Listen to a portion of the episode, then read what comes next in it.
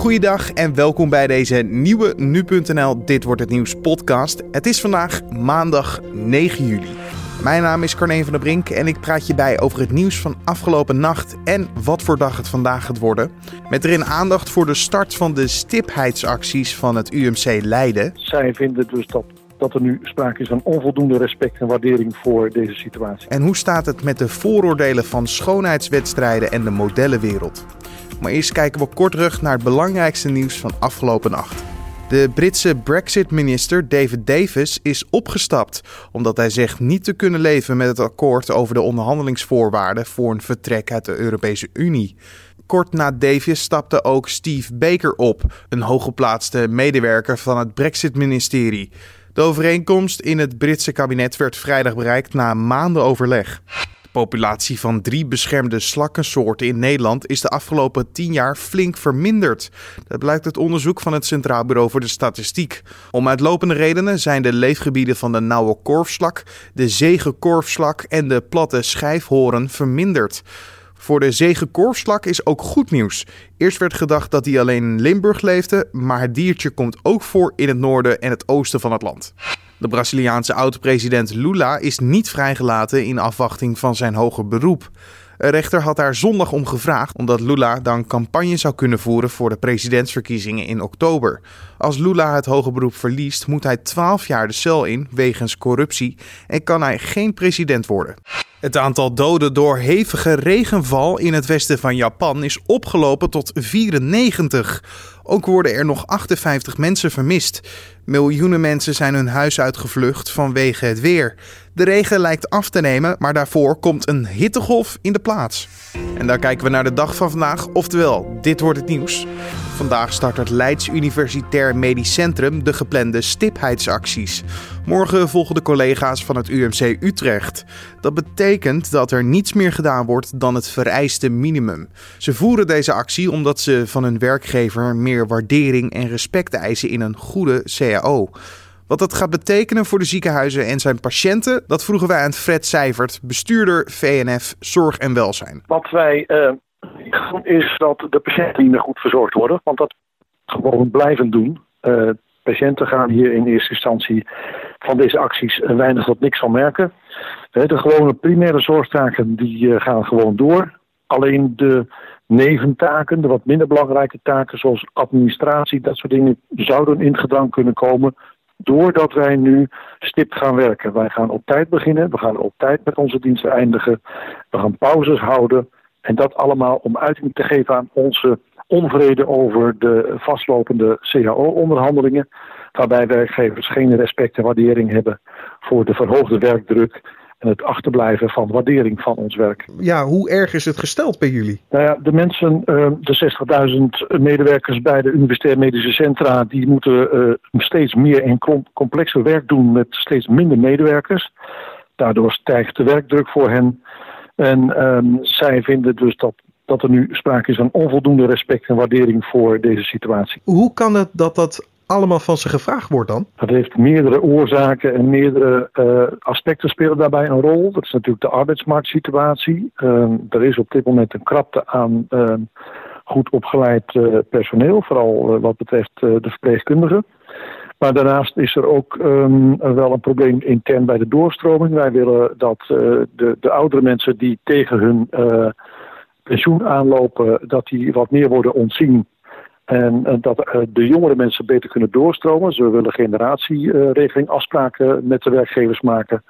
En ook dat de jongeren daarop op worden voorbereid, zodat ze met wat meer opleiding de posten, functies die vrijkomen door de ouderen kunnen gaan um, opvullen. Maar dan lijkt me dat het probleem dus zit bij de, de, de jonge scholieren die gaan beginnen aan een opleiding die niet de juiste scholing krijgen. Moet ik het zo begrijpen? Die niet gelijk kunnen doorstromen? Nee, het is niet alleen maar een kwalitatief probleem, het is ook een kwantitatief probleem. Het is bekend dat er een tekort is aan um, uh, zorgpersoneel op dit moment. Maar je moet er wel voor zorgen dat degenen die er nog wel zijn, dat je die goed um, kunt inzetten op je werk. En vandaar dat wij zo'n generatieregeling willen afspreken. En daarnaast moeten we het werk wel ook qua arbeidsomstandigheden en arbeidsvoorwaarden aantrekkelijk houden voor de medewerkers, anders, anders komen ze niet. En dat betekent dat voor uh, alle medewerkers die nu werkzaam zijn in het ziekenhuis, de arbeidsomstandigheden, de roosters aangepakt moeten worden. Dat die ja, uh, wat betreft opvolging van nachtdiensten, late diensten uh, niet ongezond zijn. Maar ook de waardering, het loon, moet voor jongeren aantrekkelijk genoeg zijn om in zo'n UMC te willen werken. Ja, maar het lijkt me ook natuurlijk dat uh, de sector heeft het moeilijk, ook lijkt me financieel. Is dan vragen voor bijvoorbeeld meer salaris uh, en meer pauzes die natuurlijk ook geld kosten, niet juist een doodsteek voor de hele sector qua ja, het financiële aspect? Nou, uh, u zegt, uh, u stelt dat de financiële uh, situatie van de medische sector bij UMC slecht is of niet loopt tot waardering van deze mensen. Dat, die die opvatting delen wij niet. In ons eerste blik op de financiën laat zien dat de UMC's best goed bij kas zitten en het best kunnen um, veroorloven om een goede loon te betalen voor de mensen. Dus jullie hopen gewoon dat daar een nieuwe laag in komt. In ieder geval dat het gesprek weer voortgezet wordt. Want jullie hebben niet begrip voor de juiste CAO-onderhandelingen die er nu worden gedaan. Nou, in mei hebben de werkgevers een voorstel gedaan op deze dingen die ik net heb genoemd. Die uh, eerder verslechteringen van de huidige CAO met zich meebrengen dan uh, goede verbeteringen. Uh, en acties is nooit een doel op zich. Uh, wij willen met deze actie bereiken dat de werkgevers met betere voorstellen zo snel als mogelijk uh, ons weer aan tafel roepen. Ja, u zegt ook dat het geen patiënten gaat hinderen op enige manier, alleen misschien ja, op de administratieve manier. Maar heeft dat bijvoorbeeld ook met medisch dossiers aanvullen? Kan het daar ook mee te maken hebben, waardoor je misschien in, het, in een langer proces er problemen mee krijgt? Nou, dat zijn details, dat, dat, kunnen we nu nog niet precies inschatten. Wij hebben gezegd, we gaan deze stiptheidsacties doen. Wij gaan ervoor zorg dragen dat uh, de directe zorg van patiënten niet in het gedrang komt. De mensen werken allemaal met hart voor de zaak. Dus uh, zij willen ook op geen wijze dat de patiënten daar hinder van gaan ondervinden op, op deze stiptheidsacties. maar we kunnen ons voorstellen dat er hier en daar wat administratieve werk um, ja, wat langer duurt voordat dat opgepakt wordt. Dat dat een effect zou kunnen zijn van deze acties, maar dat kunnen we nu nog niet helemaal inschatten. Het begint vandaag in Leiden en uh, dan gaat het uiteindelijk naar Utrecht. Um, ja, en hoe ziet de rest van de periode eruit, de komende weken?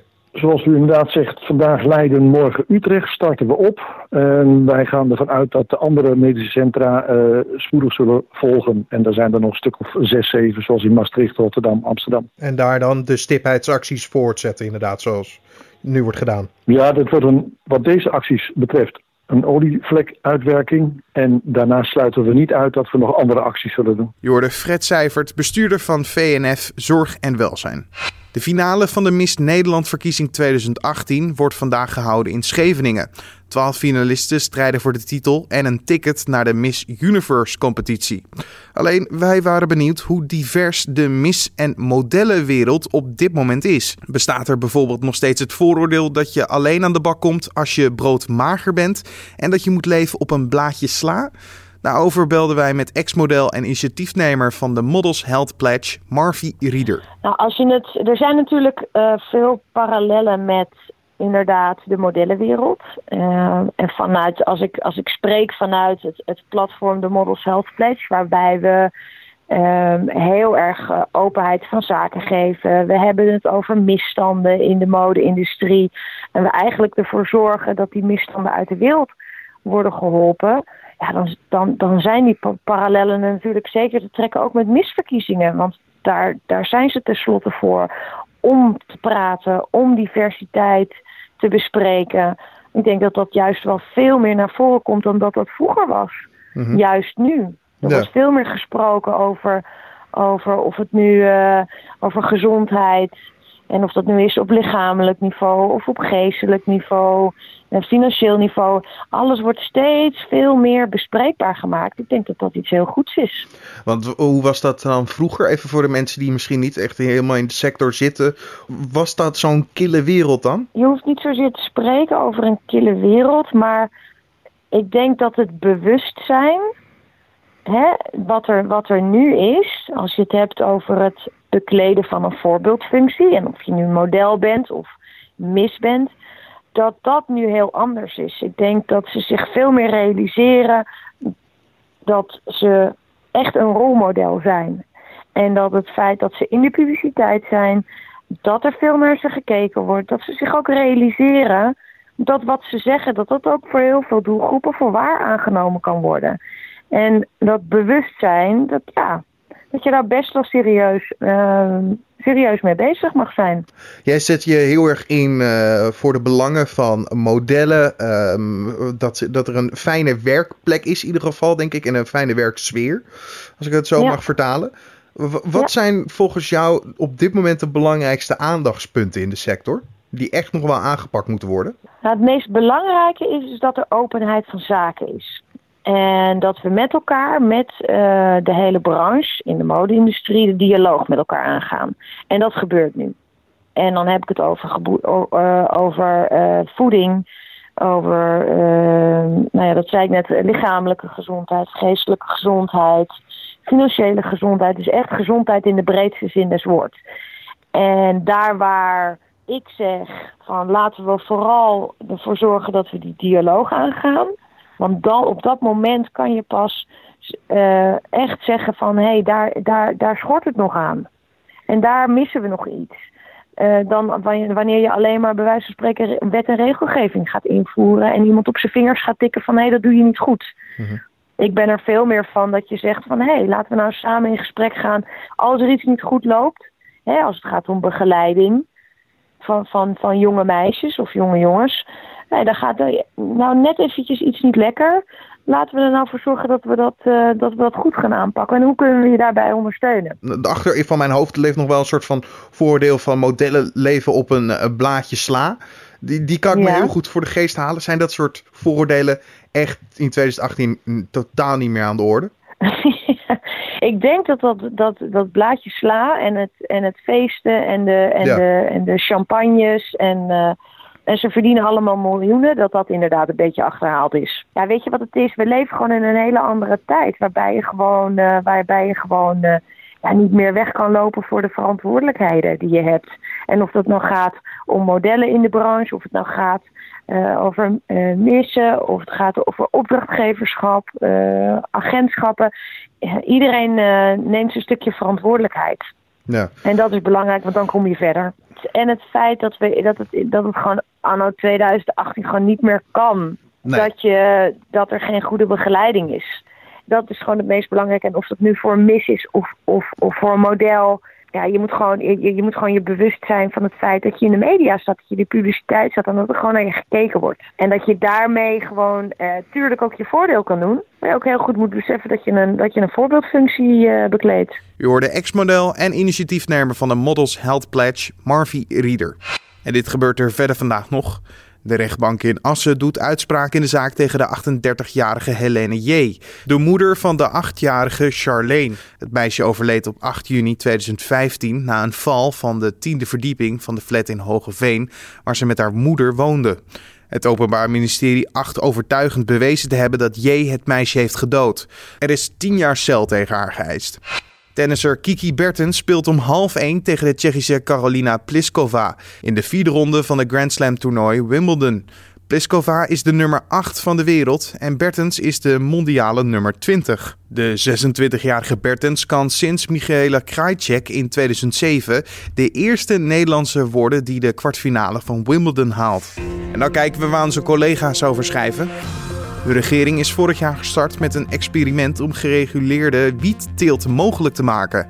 In de Volkskrant zegt strafrechter Michiel de Ridder dat de onderbouwing van de wet echter niet goed is. Dat kan mogelijk tot veel rechtszaken leiden, omdat wiettelen voor sommige mensen nu strafbaar is en voor sommigen niet. Steeds meer vrouwen, vaak met kinderen, die naar het gebied van islamitische staat zijn gereisd, vragen of ze in Nederland gevangen gezet mogen worden. Ze zitten nu voornamelijk in gevangeniskampen van Koerdische strijdkrachten en de omstandigheden daar zijn enorm slecht. Drie vrouwen hebben tot nu toe al contact gehad met het Openbaar Ministerie. Zo meldt het AD vandaag. En dan nog even het weer. De temperatuur daalt flink in vergelijking met afgelopen week, maar het blijft aangenaam. Het wordt vandaag namelijk maximaal 23 graden, dus koud is het zeker niet. In grote delen van het land is het de hele dag wel bewolkt. En dan nog dit. Katten zijn eigenwijze dieren en kunnen ook nog wel eens een keer weglopen. Dat is bijna bij iedereen wel bekend, denk ik toch. want dit geldt zeker voor Lollipop uit Almere. Deze kat is na 17 jaar namelijk weer herenigd met haar oorspronkelijke baasje. De kat werd buiten alleen gevonden nadat de chip in de nek werd gecheckt. Daardoor kwam het oude baasje naar boven. Waar die kat al die tijd is gebleven, dat is jammer genoeg niet bekend. Dit was dan de Dit wordt het nieuws podcast voor deze maandag 9 juli. Je vindt de Dit wordt het nieuws podcast om 6 uur ochtends elke dag op de voorpagina van nu.nl of natuurlijk via je desbetreffende podcast app. Vind je dit nou een fijne podcast of heb je feedback voor ons wat we beter of anders kunnen doen? Laat het ons weten via een mailtje naar redactie.nu.nl of natuurlijk via een recensie op iTunes. Voor nu wens ik je een mooie dag en tot morgen.